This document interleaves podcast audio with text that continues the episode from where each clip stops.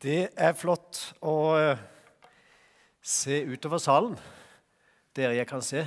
Nå fikk jeg lyset rett i ansiktet her. Eh, det handler egentlig alltid om den enkelte. Og I dag så begynner jeg altså på en serie som kalles Den ene. Eh, det vil si at det å være aleiner kan jo være litt spesielt. Det kan jo være ensomt. Og allikevel så er det én og én vi står ansvarlig for oss sjøl, for vårt eget liv og for Gud, slik han har sagt noe om i sitt ord. Det å fokusere på masser har alltid vært et problem i det at vi da mister synet på den ene. Og Det er det som jeg skal si litt i dag. Det er på en måte et blindspor. Av og til så tenker vi som menighet eller som gruppe eller som en organisasjon at, at vi vil gjerne vokse, vi vil gjerne bli mange. Og så tenker vi på mengde, antall. Det har, tror jeg, og jeg tror jeg har god grunn til å si det, er ofte en avsporing. Det handler alltid om enkeltmennesker. Og de til sammen blir jo gjerne mange, men alltid enkeltmennesker. Gud handler alltid med enkeltmennesker. Han handler ikke med grupper i den forstand. Han handler med enkeltmennesker, og gjerne i en gruppe. Og Som en eh, begynnelse på denne serien så vil jeg begynne med en historie egentlig fra Bibelen. Den kan være kjent for mange. Den barmhjertige samaritan kaller vi gjerne det. Det er eh, et utsnitt av Lukas evangeliet kapittel 10. Eh, det er en lang historie. Eh, og Den begynner sånn at det kommer en lovkyndig til Jesus. Og Så spør han hva skal jeg gjøre for å arve evig liv. Arve, altså å få del i det evige liv. Eh, og Så spør jeg ja, men hvordan står det da i, i, i, ordet, i loven. Ja, Og så siterer den lovkyndige det, for det var han god på.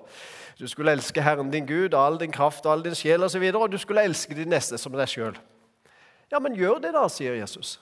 Da får den lovkyndige litt sånn eh, bakoversveis, og så prøver han å distansere seg fra det der, der den utfordringen. Og så, ja, men hvem er egentlig min neste? Holder det litt sånn på en armlengdes avstand. Og Da forteller Jesus denne historien om den barmhjertige samaritan. Og Der begynner jo den sånn at eh, på veien mellom Jerusalem og Jeriko, en farlig strekning ned fra Jerusalem mot Dødehavet, i enden av Dødehavet ligger Jeriko. og på veien der, Det var en usikker vei. Den var ikke overvåka på så mange måter. Og Der var det en som reiste og ble overfalt av røver og skamslått. og Han lå halvdød. Antagelig hadde han dødd hvis han ikke hadde fått hjelp. Og Så kommer det en prest forbi. Eh, det er jo greit å si, siden jeg står her. Han gjør ingenting. Han ser, står det, og så går han forbi. Akkurat det samme gjør en levitt, dvs. Si han som hadde tjeneste i tempelet med alle praktiske ting. Han ser det, men han går forbi. Og så står det et spesielt uttrykk der som ikke kommer så godt til ordet i den norske oversettelsen, for norsk språk er stort sett fattig, i hvert fall til, i forhold til gresk og hebraisk. Og På gresk så står det altså Han ser, og så pusher han det unna. Dytter situasjonen på avstand, så han kan gå rundt. En aktiv handling om å skyve utfordringen, skyve et menneske i nød fra seg. Og Det er alvorlig. Og Da får vi kanskje mer holdt på å si, grep om denne utfordringen eller denne historien som Jesus gjerne deler med oss. Og som han utfordra den lovkyndige på den dagen. Men så går vi inn i teksten her, da. Så kommer en samaritan. Og så står det, Men en samaritan som var på reise, kom også dit hvor han lå. Da han fikk se han, fikk han inderlig medfølelse med han. Han gikk bort til han, helte olje og vin på sårene hans og forbandt han. Så løfta han mannen opp på et esle, eselet sitt og tok ham med til en herberge og pleia ham. Neste morgen dro han fram to denarer, ga den til verten og sa, 'Sørg godt for ham, og må du legge ut mer, skal jeg betale deg når jeg kommer tilbake.' Hvem av disse tre syns du nå viste seg som en neste for han som ble overfalt av røvere? spør Jesus altså. Da svarer han lovkjenner. Han som, den som viste barmhjertighet mot ham. Da sier Jesus, 'Gå du og gjør som han'. En historie som utfordrer oss på de vi møter i hverdagen. Jeg vil at du skal sitte med sånn tre spørsmål eller tre utsagn i bakhodet når jeg sier noe videre i dag. Tre ting. La de på en måte ligge bak og farge det du hører nå.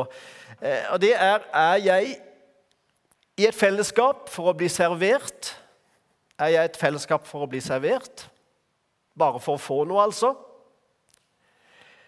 Eller er jeg der for å tjene, altså for å gi noe? Er jeg en Jesu etterfølger, er, eller er jeg en observatør som ser noe på lavstand, men bare en observatør? En observatør i våre dager det er en populær ting pga. at vi skal ha observatør her og der, men han kan ikke si noe. Han kan egentlig ikke ikke uttalerett og forslagsrett og stemmerett. eller noe. Han skal bare være til stede og se det som skjer, og rapportere et annet sted. Så en observatør er på mange måter en enkel oppgave, en uforpliktende oppgave. Han har bare et slags rapporteringsansvar. Han har ikke ansvar for å være delaktig i noe. Og Så er det spenningen mellom det å være en observatør og det å gripe inn og gjøre en gjerning som er nødvendig for å hjelpe et annet menneske. Ha denne spenningen for deg i dag mellom disse to tingene, med disse tre spørsmålene jeg har stilt.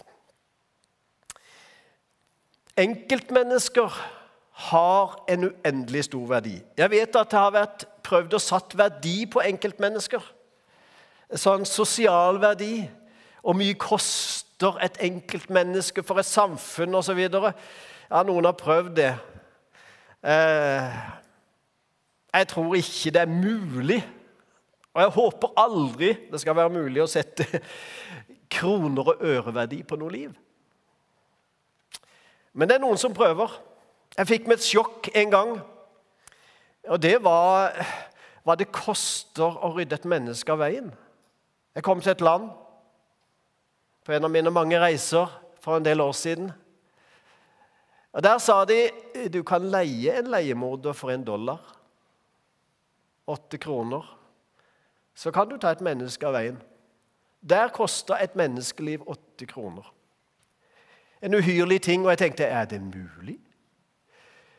Noen prøver å sette verdi på mennesker, hva de egentlig koster. Enten for å beholde livet eller for å miste livet. En egentlig, et egentlig uhyrlig regnestykke. Jesus setter verdi på oss. Gud setter verdi på oss. Gud, Jesus møter enkeltmennesker på en respektfull og alltid verdig måte. Det har vi mye å lære. Hvordan møter du mennesker rundt deg? Hvordan møter jeg mennesker rundt meg? Ser jeg ned på folk, eller behandler jeg de uverdig? Ord kan være vanskelig, ord kan ødelegge, og ord kan bygge opp. Ord kan rive ned. Da vil jeg spørre, Hvordan tror du egentlig at Jesus ser på deg, eller ser deg som? Det å bli sett er viktig. Veldig viktig i vår tid. Det å se mennesker og det å bli sett. Det har noe med gudsbildet i oss. Det er viktig at vi får et godt bilde av Gud. Hvis vi har et strengt og på en måte et ødelagt bilde av Gud, dvs. Si at Gud er der for å ta oss Det er en barnesang som ikke synges mer. Synges mer. Vet dere hvilken? Vær forsiktig, lille øye, hva du ser. For Gud er over der, han ser ned på jorden her. Vær forsiktig, lille øye. Hva du ser. Det var sikkert godt ment i sin tid å skrive noe sånt. Den synges ikke mer. Jeg er glad for det. For du får et bilde av en Gud som er her for å ta deg. Straffe deg eller stoppe deg, eller Altså er Gud slik som Jesus var, opptrådde. Hvordan var han, da? Kom han ovenfra og ned? Nei.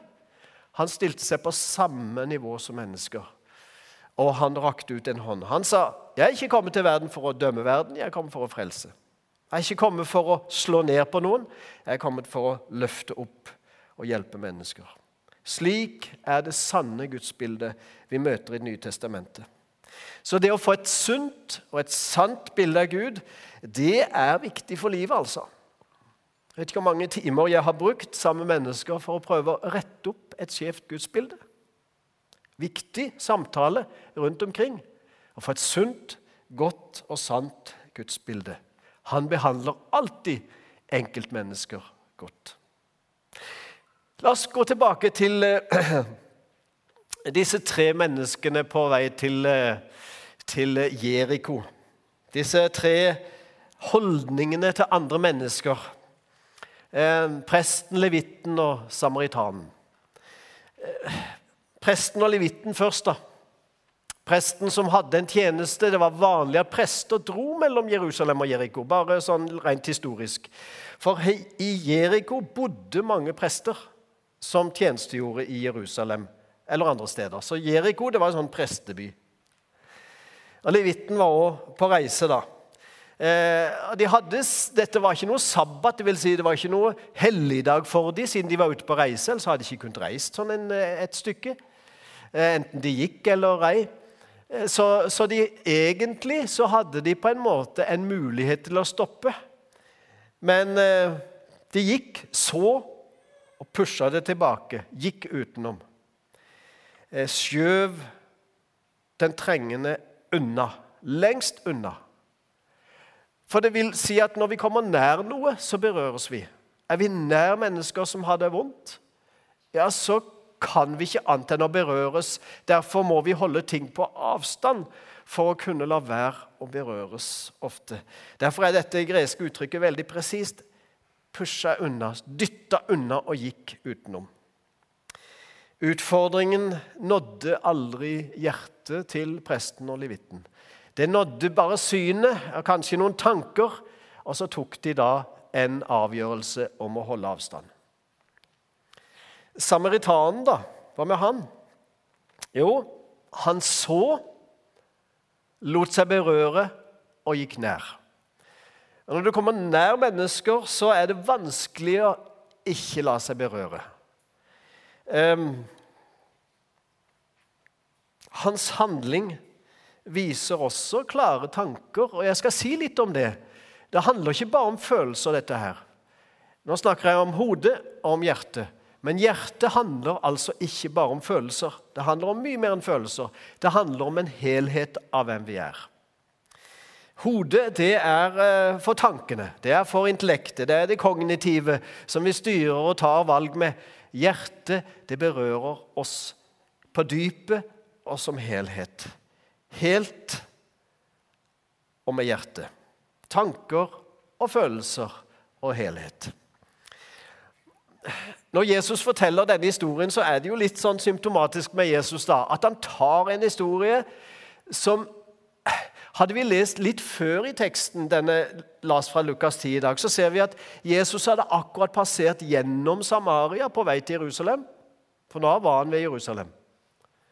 Hva hadde skjedd i Samaria? Jo, han skulle overnatte der, for det var langt eh, fra Galilea i nord og ned til Jerusalem, eller opp til Jerusalem sånn geografisk. Eh, og Han hadde tenkt å overnatte her, men han fikk ikke noe plass de ville ikke ha han til å overnatte der siden han var på vei til Jerusalem. står det. Disiplene ble jo sinte. De fikk ikke overnattingsplass. Kanskje det minte Jesus om noe fra han var liten.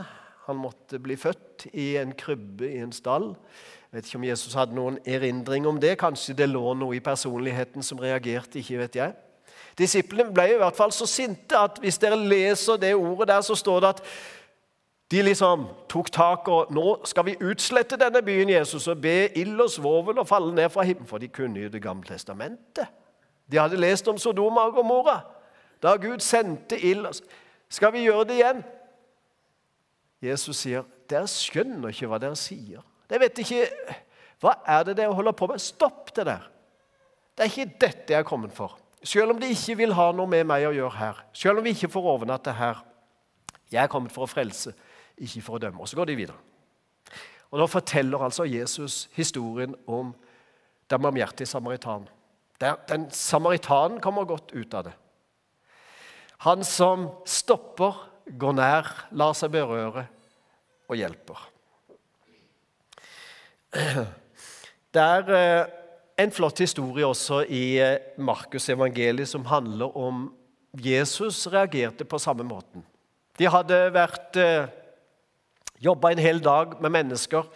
Og Nå sa Jesus nå må vi komme avsides og ta en pause og hvile oss. Og så legger de til da Jesus gikk i land, fikk han se en mengde mennesker. og Han fikk inderlig medfølelse med dem, for de var som sauer uten gjeter, og han ga seg til å undervise dem om mange ting, står det. Altså, ikke har de fått spist, ikke har de fått hvilt, men han så mennesker, så behovene var så store at han måtte rekke ut hånda på nytt. Og Så gikk noen timer. Men hadde vi lest videre da, i den teksten, så så vi at når det virkelig ble kveld, da måtte de ta tak i det. Da måtte han sende folket hjem, og disiplene ble sendt ut på sjøen i båten. Han sjøl gikk opp i fjellet for å be, sto det. Da måtte de hvile. Da måtte de ha pause. Og Det er noe med balansen her som jeg vil si noe om i dag. Det er jo ikke sånn at vi skal gi oss hen til andre mennesker og hjelpe andre mennesker, så vi utsletter oss sjøl. Nei. Jesus utsletta seg ikke sjøl. Han spiste og han sov, han òg, når han måtte. Han hvilte når han måtte. Disiplene gjorde det samme, og vi trenger å gjøre det samme. Vi skal ikke utslette oss sjøl i det å hjelpe andre mennesker. Men det hender av og til det koster noe. Det hender av og til at vi må rekke ut ei hånd. Det hender av og til at du utfordrer følgende. Hva utfordrer det først og fremst i vår tid? Å ta noe tid til noe vi ikke har planlagt. Det utfordrer vår kalender. Det var en eh, her i, i uka som eh, sendte meg en mail Eh, for vi hadde avtalt et møte et annet sted, ikke her i Lyngdal, langt, fremme, langt ute i november. Eh, ja, i en helt annen sak. Men eh, så skriver han tilbake til meg du, Den 18. november Jeg har problemer med kalenderen. Da så jeg det bare for meg. Så svarte jeg enkelt og greit kalenderen du herk. han har ikke svart meg etterpå. Eh, jeg tror han forsto meg. Hva er det med våre kalender? Hva er det med våre planleggingsrammer som er så stramme at det fins ikke plass for mennesker med behov som møter oss en dag?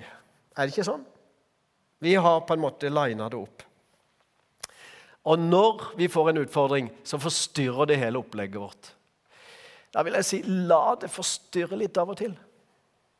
Plasser kalenderen på sidelinja litt av og til. Det har vi godt av som enkeltmennesker, og det kommer andre mennesker til gode på en god måte. Det utfordrer vår komfort. Ja visst gjør det. Jeg ønsker ikke å bli utfordra av sult og nød og fattigdom og død og vanskeligheter og slitsomhet og depresjon og hva som måtte komme i vår nærhet. Det er klart det er veldig behagelig å holde det på avstand og gå forbi, og at jeg har det greit. Og så er det slike mennesker vi lever midt iblant. Kanskje vi er en av de sjøl som trenger hjelp. Og der skal vi leve. Det er lenge siden jeg har tenkt sånn når jeg kommer på kontoret her en vanlig dag i Misjonskirka. Tenk om det blir en helt vanlig dag Altså Først så tenkte jeg hva er en helt vanlig dag? jo, det er en dag som jeg kan gjøre det jeg har planlagt, og ikke noe forstyrrer, og ingen vanskelige spørsmål kommer på telefon eller mail, eller noen ting, og ingen mennesker klager på noe som helst. En helt van... Nei, sånn er jo ikke en vanlig dag. Det er en helt uvanlig dag, det. For, for det at en vanlig dag handler om mennesker. En vanlig dag handler om at du og jeg møter mennesker med de forskjellige behov som de har, med utfordringer i livet, med livet som det faktisk er. Og det trenger vi ikke å rømme fra. Det er vi ikke skapt til å rømme fra engang. Vi er skapt til å ta hånd om hverandre. Det utfordrer vår komfort. Og til slutt av de tre tingene det utfordrer oss mest i. Jeg tror av og til det utfordrer vår økonomi. Økonomia. Hvordan eh, er økonomi på verdisystemet i det norske samfunn? Det er ganske høyt oppe. Ganske høyt oppe. Om ikke på førsteplass for, for mange.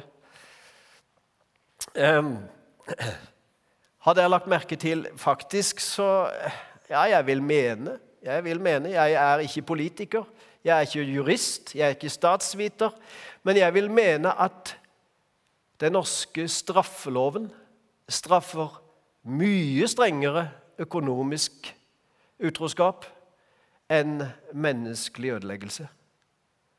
Blir et menneske utsatt for en grusom handling, så vanker mindre straffer enn om en tar 100 000 eller en million og stikker bort der en ikke skulle.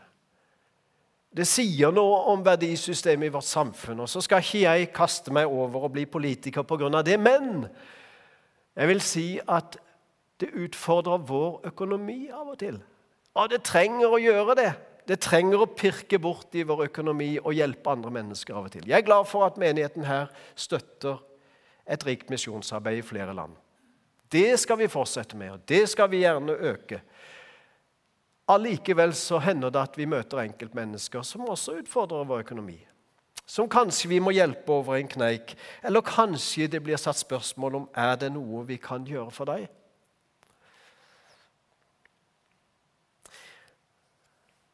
For å redde oss så må vi liksom holde avstand, tror vi. Jeg tror det er motsatt. Jeg tror Gud har skapt oss til nærhet. Jeg tror Gud har skapt oss til å se enkeltmennesker sånn som de faktisk er. Hva kosta det Gud, da? Ja, Han kunne sitte på god avstand i sin himmel og sett på at menneskene ødela seg sjøl. Han gjorde ikke det. Han sendte sin sønn nær til oss. Han gjorde alt for, at, for å nå den ene. Han gjorde alt for å komme nær til oss. Han pusha ingen unna. Han skjønte åssen vi hadde det. Og han tok det innover seg og gjorde alt, og gjør alt fortsatt, for å hjelpe oss og redde oss og frelse oss. Det siste hva er det med oss, da? Hvordan sitter utfordringen igjen i ditt og mitt liv? Jo, det fins et veldig godt ord i ordspråkene eh, som har med hjertet å gjøre. Og Det er Salomo som skriver dette, kong Salomo. Og Han sier følgende.: Bevar ditt hjerte framfor alt du bevarer, for livet går ut fra det. står det. Hva mener han her? Det vil si at livet går ikke ut fra tankene våre. Enda han var den mest vise i sin tid, og kanskje noen som har levd, for han fikk ekstra visdom av Gud til å styre et stort folk. Men han snakker om hjertet. Han snakker ikke om tankekraft og intelligens. Han snakker om 'bevar ditt hjerte framfor alt du bevarer', for livet går ut ifra det. Det vil si, misser du det, så misser du på livet. Så bommer vi på livet, rett og slett. Vi må ha med hjertet i det vi gjør, og i den vi er. Holder vi avstand, lar vi ikke hjertet berøres, så går vi glipp av noe av livet sjøl. Å se et annet menneske er viktig. Det har du og jeg mulighet til. Å snakke med et annet menneske er viktig. Det har du og jeg mulighet til.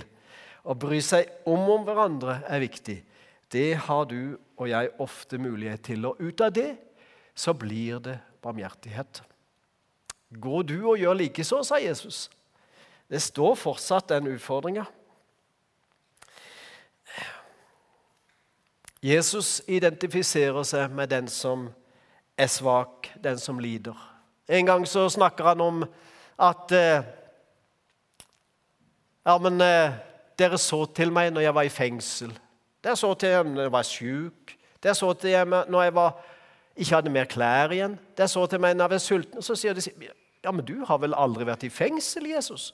Du har vel aldri mangla eh, så mye annet enn Du har i hvert fall til sånn akkurat det du trenger. Ja, men det som dere gjorde mot en av de minste, en av de som satt i fengsel, eller en av de som var hardt ute i livet, det har dere også gjort imot meg. Og han snur det også om. Der det ikke gjorde mot en av de, det har jeg heller ikke gjort imot meg. Så blir det altså alvorlig, da. Hva var det den eh, lovkyndige spurte? Jo, han spurte hvem er så min neste? Og så holdt han avstand. Og jeg sier, jeg vil påstå i dag, det var et helt feil spørsmål. Og Av og til så avslører spørsmålene holdningene mer enn svarene. For spørsmålet bør være Hvem er jeg? Er jeg en neste for de andre? Er jeg den som opptrer som min neste? Hva er vår visjon i kirka her? Jeg vil gjenta den. Nå mennesker for Jesus og tjene andre med glede. Gjør vi oss sjøl til en neste for andre, viser vi oss som den som har nærhet og hjerte å bidra med. Og Det er dette spørsmål som vi bør stille oss sjøl, og som bør ringe i våre hjerter og i våre ører gjennom denne dagen. Vi trenger ikke spørre Jesus om det. Er jeg min neste? Det kan vi spørre oss sjøl om. Men det vi kan spørre Jesus om, det er å få kraft og mot og kjærlighet til å ikke gå forbi. Amen.